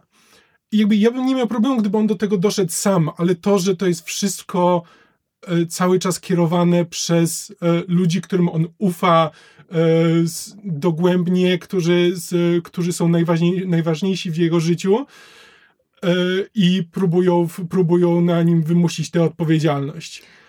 Swoją drogą, to jest nastolatek, który będzie miał straszne traumy, im dalej będziemy szli w MCU, dlatego że zwróćcie uwagę, że jego e, daddy figure umarł śmiercią tragiczną. E, Misterio, w którym, po, że tak powiem, e, na którego przeniósł swoje nadzieje, okazał się oszustem. Nick Fury, który też go teraz cały czas namawiał do tego, żeby był bohaterem, okaże się z królowym, że tak powiem, e, ten e, impostorem, więc jakby ja się nie dziwię, że ten film dotyczył tego, co jest prawdą, a co jest fikcją, bo biedny Peter będzie miał e, duże problemy ze zorientowaniem zorientowaniem się, co, że tak powiem, w jego życiu ma, ma sens. Akurat to jest bardzo, bardzo wierne e, komiksom mm -hmm. i, i poprzednim adaptacjom Spidermana. Jakby wszystkie father figures Spidermana okazują albo, po, albo tylko mu kłamią, albo kłamią mu i chcą go zamordować. Albo jakby, giną. Albo giną, tak. Więc za każdym razem, kiedy on się zaprzyjaźni, jest, jest tutaj na przykład industrialista Norman Osborn. Hej, synu, jestem z ciebie dumny. Na, następny e, doktor Octavius. Hej, synu, jestem z ciebie tak, dumny. Tak, tak. Doktor Dr. Connors, zaraz wyrośnie z niego jaszczurka i będzie próbował go zjeść. I tak dalej, i tak dalej, i tak dalej. Znaczy, tak, ja tylko podkreślę, że jakby zauważam pewne problematyczne kwestie. Jakby no to jest drugi film w, w czymś, co będzie serią nie wiadomo ilu filmów i też częścią szerszego uniwersum, więc być może jeszcze będą się do tego odnosili w trochę bardziej krytyczny sposób. Może ktoś to zauważy, może nie.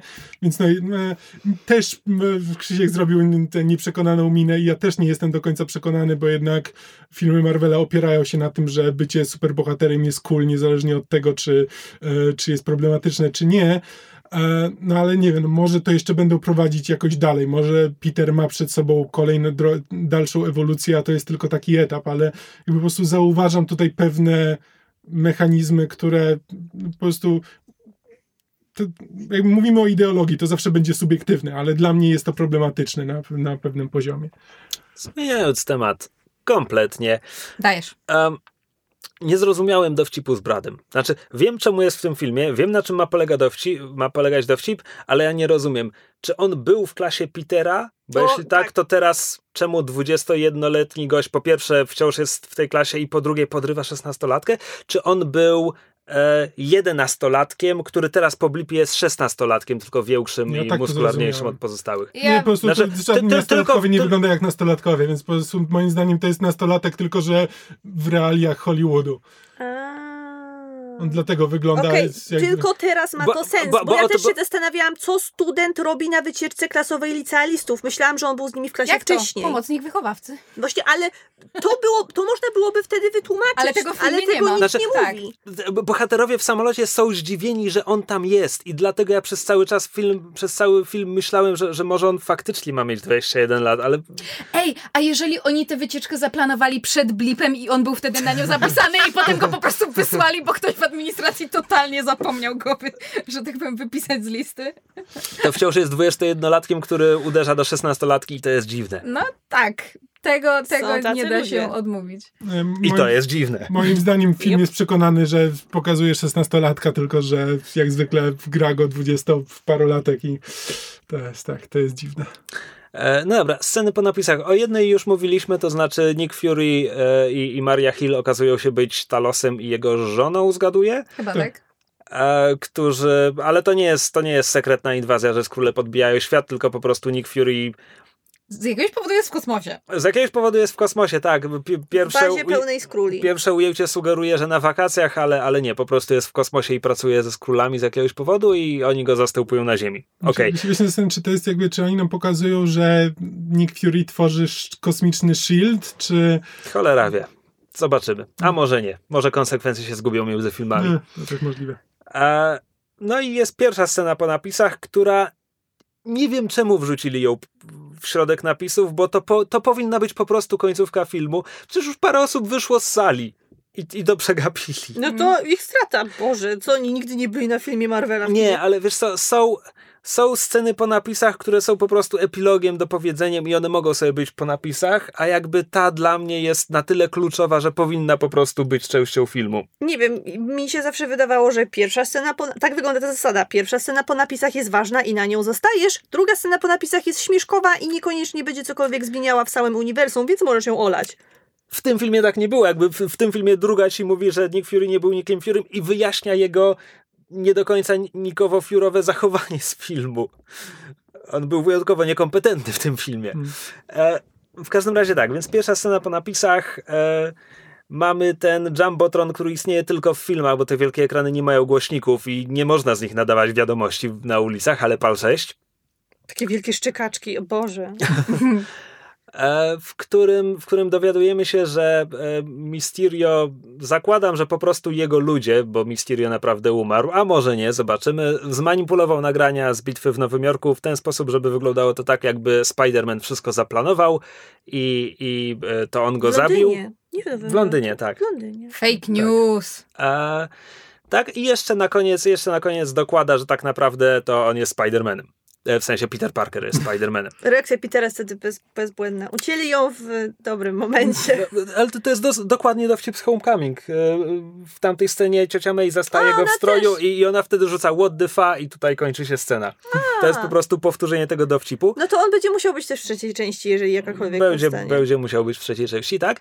No i oczywiście e, wisienką na torcie tej sceny jest to, że te, te informacje prezentuje nam właści właściciel Jamison? serwisu Daily Bugle Net, e, J. Jonah Jameson, grany ponownie przez J.K. Simonsa. Mua, co, Szewskis. Genialny e. Tak, no jest, jest bardzo fajny dla starych ludzi pamiętających film Raimiego. A, ale jednocześnie.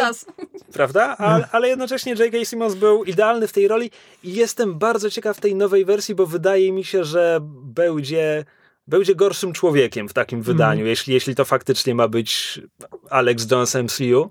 To jest trochę, przypomina też tego J.K. Simmonsa z gry, ten ostatni o Spider-Manie. To był J.K. Simmons? Chciałeś powiedzieć J. Johna Jamesona. J. Jonas, tak. No, come on. To jest jedna i ta Wszystko sama na, osoba, musimy ich Tak, w Whiplashu też grał J. Johna Jamesona. Chodzi mi o to, że postać J. J. Johna Jamesona w grze o Spider-Manie też jakby była, znaczy tam to było radio, czy tam jakiś podcast, czy coś, ale ty, czy tam się słuchało, ale to dokładnie był ten internetowy po prostu. Tak, to jest, to jest ogólnie interpretacja, która pojawiła się też w ostatnich komiksach w ostatnich komiksach J. Jonah Jameson najpierw przestaje być redaktorem gazety, potem zostaje burmistrzem Nowego Jorku, ale potem traci tę fuchę i wtedy zostaje radiowcem i, i, i to jest ta interpretacja, którą wzięli, a jeszcze potem teraz jest sojusznikiem Spidermana i wie, że to jest Peter Parker, ale pal 6. Być może kiedyś też dojdziemy do tego w filmach. Znaczy ja totalnie bym uwierzyła w to, że J. Jonah Jameson ma jakiś taki, wiecie, bardzo, bardzo popularny podcast, bo podcasty są teraz modne. wink, wink. E, tak. Znaczy J. Jonah Jameson w ogóle ja lubię w tej postaci, mówię teraz o komiksach i niektórych innych adaptacjach, jest to, że on on uwziął się na Spidermana, ale poza tym w niektórych interpretacjach jest naprawdę dobrym i rzetelnym dziennikarzem i robi dużo dobrego w każdej innej sprawie. I tylko mm. Spidermanowi uprzykrza życie i chciałbym kiedyś zobaczyć takiego Jamisona na znaczy, ekranie. I to raczej nie będzie ta wersja. Znaczy, je, dla mnie to jest jakby to to była interesująca kreacja, ale w tym momencie e, też dla mnie by była problematyczna. Na zasadzie podoba mi się to, że oni go kreują, to jest Alex Jones. E, I w tym momencie nie możemy z niego zrobić pozytywnej postaci. Tak, a jakbyśmy próbowali powiedzieć, że nie, ci te, wiesz, ludzie pokroju Alexa Jonesa, to oni tak naprawdę chcą dobrze, ale są tak zaślepieni jakąś sprawą, tak, taką pasję mają w sobie, że nie dostrzegają prawdy, to by było dla mnie, to, to, to by było po prostu nope. kłamstwo i, e, i ogromnie problematyczna, e, problematyczny wątek. Nope, nope, nope, noping out, nope. Dobrze. Czy mamy jeszcze coś do powiedzenia o, o jakichś, nie wiem, relacjach w filmie, jakieś e, zabawne sceny, teksty, coś, co nam się podobało? Znaczy, ja wiem, że Ned tutaj... i Betty. Co? Ned i Betty. A, Ned i Betty. No tak, byli bardzo uroczy, natomiast to, co mi się strasznie spodobało i, i, mam wrażenie, że to też właśnie wynika z takiej jakby pewnej e, świadomości, która przychodzi z wiekiem. Wow, ale mnie to zdanie zasmutza. Jesteśmy starzy. Tak. Um, kiedy jest ta scena na, na moście w Pradze, kiedy... Um, kiedy e, Peter i MJ jakby e, e, rozmawiają na zasadzie, on się jej tam w pewnym momencie pyta na zasadzie, że czy obserwowałaś mnie tylko dlatego, że mnie podejrzewałaś o bycie Spidermanem i ona tak na zasadzie, tak, totalnie, tylko z tego powodu. I przecież widać po tym, jak, jak, jak była odgrywana ta postać przez cały film i nawet w tej scenie jest takie, oh my god, she's lying, jakby widać, że, że, że ona się do, do Petera, że tak powiem, ma, ma się ku niemu i że ona teraz tylko próbuje zgrywać taką, że tak powiem, oskłą i chłodną. I ja miałam takie, Jezus Maria, jakie to jest prawdziwe. No to, o mój Boże, nigdy nie można pokazać, że, że ci zależy, zawsze musisz zgrywać niedostępną, o Chryste. Bo kiedy się, kiedy przyznasz się do jakichkolwiek uczuć, kto pierwszy przyznaje się do uczuć, ten przegrywa. Tak, tylko po prostu musisz być twardym i musisz kłamać i udawać, że w ogóle ci to nie obchodzi. Tylko po prostu autentycznie się zastanawiam, czy ktokolwiek na widowni powyżej pewnego progu wiekowego dał się nabrać na ten motyw pod tytułem o, MJ go tylko obserwowała, dlatego że myślała, że jest Spidermanem. Aha, as if. E, to, co mi się podoba też w wątku jakby MJ, jakby romansu MJ z, z Peterem, to jest cały czas się martwiłem o to, że za chwilę szczególnie jakby w scenie później w hotelu, kiedy MJ stoi w drzwiach i, e, swojego pokoju i Peter z nią rozmawia, ja byłem przerażony, że za chwilę wyjdzie stamtąd Brad. E, bo to byłby taki motyw tak. z komedii romantycznych, mhm. gdzie jakby o nie, Peter stracił swoją szansę i ona teraz zeszła się z tym, z tym jego rywalem, podczas gdy to jest strasznie głupi motyw i na zasadzie to, to by znaczyło, że MJ nigdy na nim nie zależało, jeśli tak po prostu na zasadzie e, przy, pierwszym, przy pierwszym podejściu jakby zeszła się z Bradem. I film tego nigdy nie robi. Jakby ewidentnie MJ dla, dla MJ Brad jest po prostu tym krypnym gościem, który próbuje do niej podbijać i ona w ogóle nie chce mieć z nim nic do czynienia. I nawet widać w jej, e, w jej mowie ciała, kiedy Brad, Brad się do niej przystawia, jakby widać za każdym razem, że ona, e, że ona buduje dystans między nimi. Tak, i nawet pod koniec jakby filmu cała reszta wycieczki też zaczyna Brada traktować właśnie jako krypnego gościa i w sumie mi się bardzo podoba, że narracja filmu jest taka pod tytułem Hey, don't be creepy. E, ale jeszcze wracając do tego, co żeśmy rozmawiali na początku a propos europejskich stereotypów, to ja jakby, ja, ja wiem, że jakby ideologicznie pewnych takich skrótów myślowych należałoby się wystrzegać, ale jednak ci, ci, ci przyjaźni Holendrzy kibole w więzieniu strasznie mnie ujęli. Ale no nie, bo zazwyczaj jeżeli kogoś pokazujemy stereotypowo, to pokazujemy go źle, tak? Tak jak na przykład w Eurotripie, kiedy oni po prostu w, w, w napadzie takiego strasznego szoku zdają sobie sprawę z tego, że są w Europie Wschodniej i zaczynają walić rosyjskie chóry i o mój Boże, zginiemy tutaj. No to tutaj to było takie pozytywne. Tak, tak jak ci Kanadyjczycy, tak? Że tak, są zawsze mini, to, no, to, no to tutaj tak, Holendrzy jak mamy, jak mamy Włocha z cienkim, z cienkim wąsikiem, to, e, to, jest, tak, to, to, się okazuje być tak obleśnym z bokiem. Znaczy, tutaj mamy Kanadyjczyków Europy, czyli Holendrów, którzy są zawsze mili dla znaczy, wszystkich. Ale jakby ja nie mam problemu z, ka z Kanadyjczykami Europy, Europy i z tym, że, że to są grzeczni chuligani, którzy nawet drzwi e, celi więziennej za sobą zamykają. Ja, ja mam... się czuję tutaj zagubiony. Czy wy kojarzyliście stereotyp, że Holendrzy są mili i uprzejmi? Bo ja nie. No właśnie, znaczy inaczej, to, to, że to, że mówią dobrze po angielsku, to to było spot on, to, to, to się wszystko zgadzało. Znaczy jakby, inaczej, nie słyszałam o nich, żeby nie byli mili i uprzejmi, więc w, w odwrotną stronę. Znaczy, Natomiast, tak... czy mogę skończyć tak, zdanie? Tak. Natomiast to, co mi poniekąd w tej sekwencji właśnie w Holandii przeszkadzało, to oprócz tego, że o, e, e, ten odrzutowiec, e, e, Happy musi przyjechać odrzutowcem po Petera, niech go odbierze z pola pełnego tulipanów, bo stereotypy, to, to co mi bardzo przeszkadzało jest to, że, że Peter wychodzi z tej tam, z tego więzienia w tej jakiejś tam miejscowości i pierwsze co trafia to jest na taki szalenie folkowy, e, że tak powiem, ujutny targ, gdzie pan ma kozę w drewnianej klatce. I miałam takie, seriously? Naprawdę? Czy, czy musimy pokazywać właśnie Europę jako to taki, prawda? Skansen. Tak, skansen, wiesz, plebs totalny pod tytułem o tak, u nas nie ma sklepów, u nas na targach się sprzedaje kozy. No tak, ale z drugiej strony nie wysiadł z tego pociągu w Amsterdamie, tak? Wiem, no. Wysiadł na holenderskim zadupiu. Największym problemem tego filmu jest to, że Peter nigdy nie robi zakupów w żabce. to by było prawdziwe i to by była prawda czasu, prawda ekranu. Musiałby najpierw trafić do Polski. Bardzo prawda chciałabym obejrzeć ten, tę część filmu, kiedy Które się dzieje w Polsce. Do Polski. Jestem bardzo ciekawa, jakie stereotypy wcisnęliby tutaj do nas. No jak, no, ale to właśnie, wszyscy żłopią wódkę. Ale właśnie to jest to, o czym mówiłem wcześniej. Poza miłymi Holendrami, tu nie ma takich kontaktów z lokalną społecznością. Jest jeszcze domyślnie Austriaczka, która każe mu się rozebrać, ale jest ku temu powód fabularny.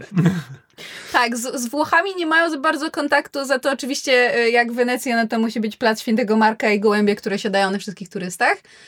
E, z, I kolei- nastolatkowie, którzy biorą gondolki w Wenecji. Czy wy wiecie, jakie drogie są kurda ko- gondolki w Wenecji? Ludzie nie biorą gondolek w Wenecji, bo kosztują jakieś pierdyliardy euro. Na pewno nie byłoby na nie stać nastolatków, którzy przyjechali tam na szkolną wycieczkę. Coś Na pewno, Mówisz tak? na pewno Fury im to zorganizował. Mówisz tak, ale z drugiej strony Flash chodzi do tego liceum.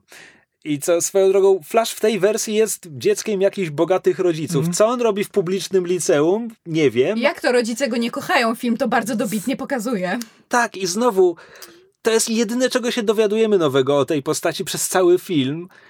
I Ej, ale czegoś się dowiadujemy. tak. Ale jakby jeszcze ten. Znaczy, to, co mnie strasznie rozbawiło, to jest to, że oni e, jakby, okej, Wenecja, no to wszyscy mniej więcej wiedzą, jak wygląda Wenecja, ale oni potem lądują w Pradze. Praga nie jest takim bardzo oczywistym miejscem, jakby dla, na- nazwijmy to umownie w cudzysłowie, głupich Amerykanów. W sensie Praga nie jest takim bardzo rozpoznawalnym miejscem. I strasznie mnie rozbawiło to, że oni jakby uczynić w pewnym sensie Pragę bardziej atrakcyjną, zrobili tam jakiś chyba jakiś randomowy festiwal światła, tak żeby wszyscy mogli być w bardziej właśnie, że tak powiem, e, e, jakichś strojach, przebraniach, żeby to Czy było wiesz na żywe i tak 100%, dalej. że ten festiwal jest fikcyjny? A sprawdzałeś? Nie, ale po sprawdzałem, prostu... ale mysz też nie. Nie, nie, ale po- jakby timing tego na zasadzie, że, że, że twórcy postanowili jakby ten jeden konkretny dzień, no bo wiecie, gdybyśmy na przykład, gdyby ich wysłano do Niemiec, to byłby akurat Oktoberfest i wszyscy by chodzili w Lederhosen i mieli kufle pełne piwa, a jak przyjeżdżamy do Czech, to niech musi, to musi być jakoś tak, nie wiem, folkowo, miejscowo, lokalny koloryt, a nie może być po prostu miasto. Okej, więc Festiwal Światła w Pradze jest czymś, co istnieje. Odbywa się w połowie października. There you go. No tak, no ale w Nowym Orlanie zawsze jest Mardi Gras w filmach. Nie no wiem, tylko właśnie chodzi mi o takie pewne... E, jakieś takie właśnie skróty myślowe, że wiesz, jak przyjeżdżają do Londynu, to nie ma na przykład, e, nie wiem... Bo Londyn jest marką samą w No sobie, właśnie, Paryż to- tak samo, Rzym tak samo, ale jak już jedziesz do Amsterdamu, czy tam do, do, do, do, do Holandii, e, albo do Pragi, no to musisz mieć coś dodatkowego, co ci podkreśli koloryt tego miasta, bo najwyraźniej samochodzenie po moście Karola bez żadnego festiwalu świateł jest nudne. Dla Amerykanów. Dla Amerykanów podkreślam, bo to jest bardzo amerykańsko, amerykocentryczne podejście. Swoją drogą autentycznie się zastanawiam, czy... No, no bo oni tam w pewnym momencie mają bilety do opery. I ta opera jest totalnie pusta. I jakby ja się zastanawiam, kto wymyślił ten żart, w sensie jakby, no bo żart polega na tym, że o ho, ho, kultura wyższa, to jakby nikt, nikt na to nie uczęszcza, tylko jacyś starzy emeryci, a na pewno nie młodzież, a na pewno nie jak trwa Festiwal Światła. I ja mam takie, really? Byliście kiedyś w operze? Widzieliście jak potrafi być pełno, zależnie od Czy- tego, jakie są spektakle? wiedzą, jak trudno zdobyć bilety do opery. No, ale to im Fury załatwił, to już Kamil ci wytłumaczy.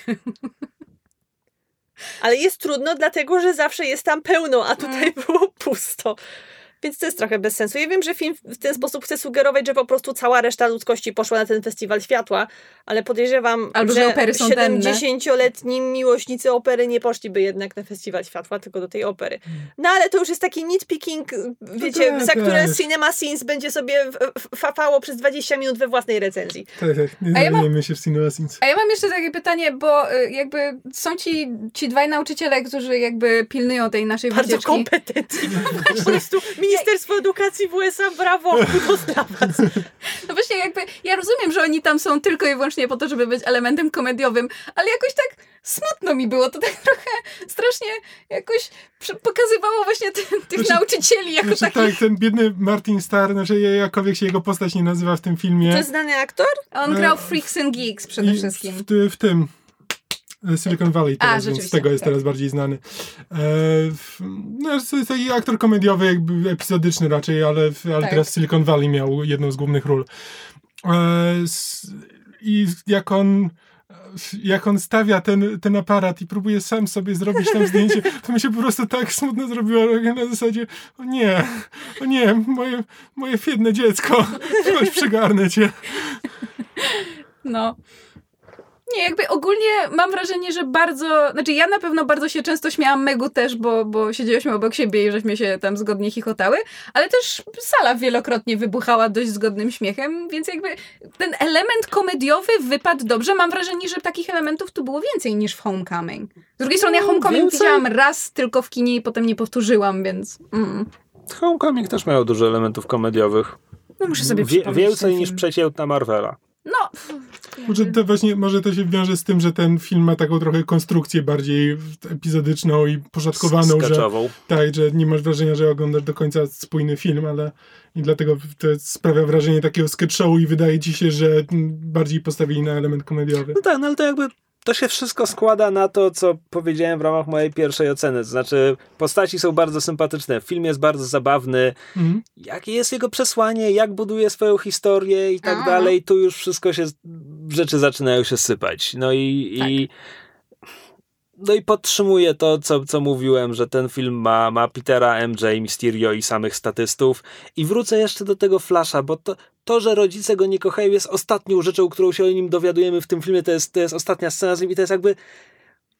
Znaczy, Gdyby to było w środku filmu dodać. i potem była jakaś Kamil, puenta. Kamil to zauważył. jest w środku filmu, Jest. bo to widać, kiedy Peter na ten ułamek sekundy zakłada, zakłada okulary i podgląda SMS-y wszystkich e, dzieci w, e, w autokarze, to w tym momencie wiadomość, ostatnia wiadomość Flasha brzmi, że coś w stylu mamo, tato, dawno się z wami nie widziałem, coś tam odpiszcie, czy coś takiego. Więc jakby O, so tak, sad. mamy, O Jezu. mamy sekundę takiego, że właśnie akurat, akurat spojrzałem na tę część ekranu, ale gdybym spojrzał na jakąkolwiek inną, to bym to oczywiście przegapił, bo nie da się przega- Okej, przeczytać wszystkiego. nawet, nawet gdybym to zauważył, to potem ta scena z końca nie jest puentą tego Nie wątku, jest. jest. po prostu przedłużeniem. Tak, tak, tak, jest po prostu, to jest to samo. I to jest po I prostu robi dziwne. się jeszcze smutniej. Znaczy, e- ewidentnie planują coś na przyszłość dla tej postaci, ale Coś, Mo- podoba mi się twój optymizm. Znaczy, jeśli on ma być Flashem, no to komiksowy Flash w końcu zostaje autentycznym przyjacielem Petera i, i bohaterem jakby na, na swój sposób dołącza do wojska i tak dalej. znaczy, A potem zostaje superbohaterem, bo komiksy prędzej czy później każdy sąsiad superbohatera zostaje superbohaterem. nie spodziewałem się, że koniecznie... Nie, spo, nie, nie spodziewałem się, że koniecznie zrobił to dobrze, ale ewidentnie jakby te, ta, te, te najbliższe otoczenie Petera jest tym, co będzie się pojawiało w kolejnych filmach i jakby jego relacja z jego przyjaciółmi i rywalami będzie wracała, więc jakby Flash ewidentnie, znaczy na pewno będą jakoś tę postać rozwijali. To, czy zrobił to dobrze i czy będzie miał więcej czasu niż e, nawet Ned w tym filmie, który też tak jest, jak mówiliśmy, wszyscy są trochę statystami w życiu Petera. E, to już, to już zobaczymy, ale jakby, ale jestem przekonany, że oni dla, dla Flasha planują jakiś, jakiś ark. Ale wiesz, z drugiej strony można było argumentować, że wszyscy nasi bliscy są, argument, są, są statystami w życiu każdego z nas, więc to takie bardzo życiowe. Ja nie traktuję swoich bliskich jako statystów. Ja nie mówię o traktowaniu, ja mówię o tym, jak wypadają w szerszym obrazku. Aha. Okej. Okej. Myślę, że dowiedzieliśmy się właśnie czegoś o myszy. I tym akcentem chyba zakończymy ten odcinek. Wow, you try to make a joke. Spoko. Niech będzie. That's cold. Co tu się stało? I tym optymistycznym akcentem e, kończymy tenże specjalny odcinek Spidermana. Spiderman? Czekaj, my zaczęliśmy kręcić Spidermana? daleko od noszy, przepraszam, daleko od domu. Wow. Co tu się wydarzyło? Musimy kończyć, ponieważ Równie w- powiele zmierzamy w dół. Mayday, mayday! Pomocy! Jezu, Jezu, nieczytelne. Okej, dotarliśmy do Smoleńska. Kończcie to! Musimy kończyć, ponieważ w studiu wyraźnie zaczyna brakować tlenu. E, Dziękujemy Wam bardzo e, e, za uwagę. Jak zwykle możecie swoje komentarze, em, przemyślenia, pytania, sugestie pisać pod odcinkami na YouTubie. Na naszym profilu e, na Facebooku, e, teraz podsłuchane.pl, ponieważ profil e, Myszmasz Podcast był się zamienił w fanpage Gorących Krzeseł. Jeżeli ktoś nie śledzi internetu, to mógł nie zauważyć. Zawsze nam możecie wysyłać maile na wszystkie nasze maile widoczne na podsłuchane.pl. Em, możecie nam wystawiać oceny na iTunes, słuchać naszych podcastów na Spotify. Bardzo też zachęcamy do obczajenia kanału Megu na YouTubie. Katus Gikus polecamy.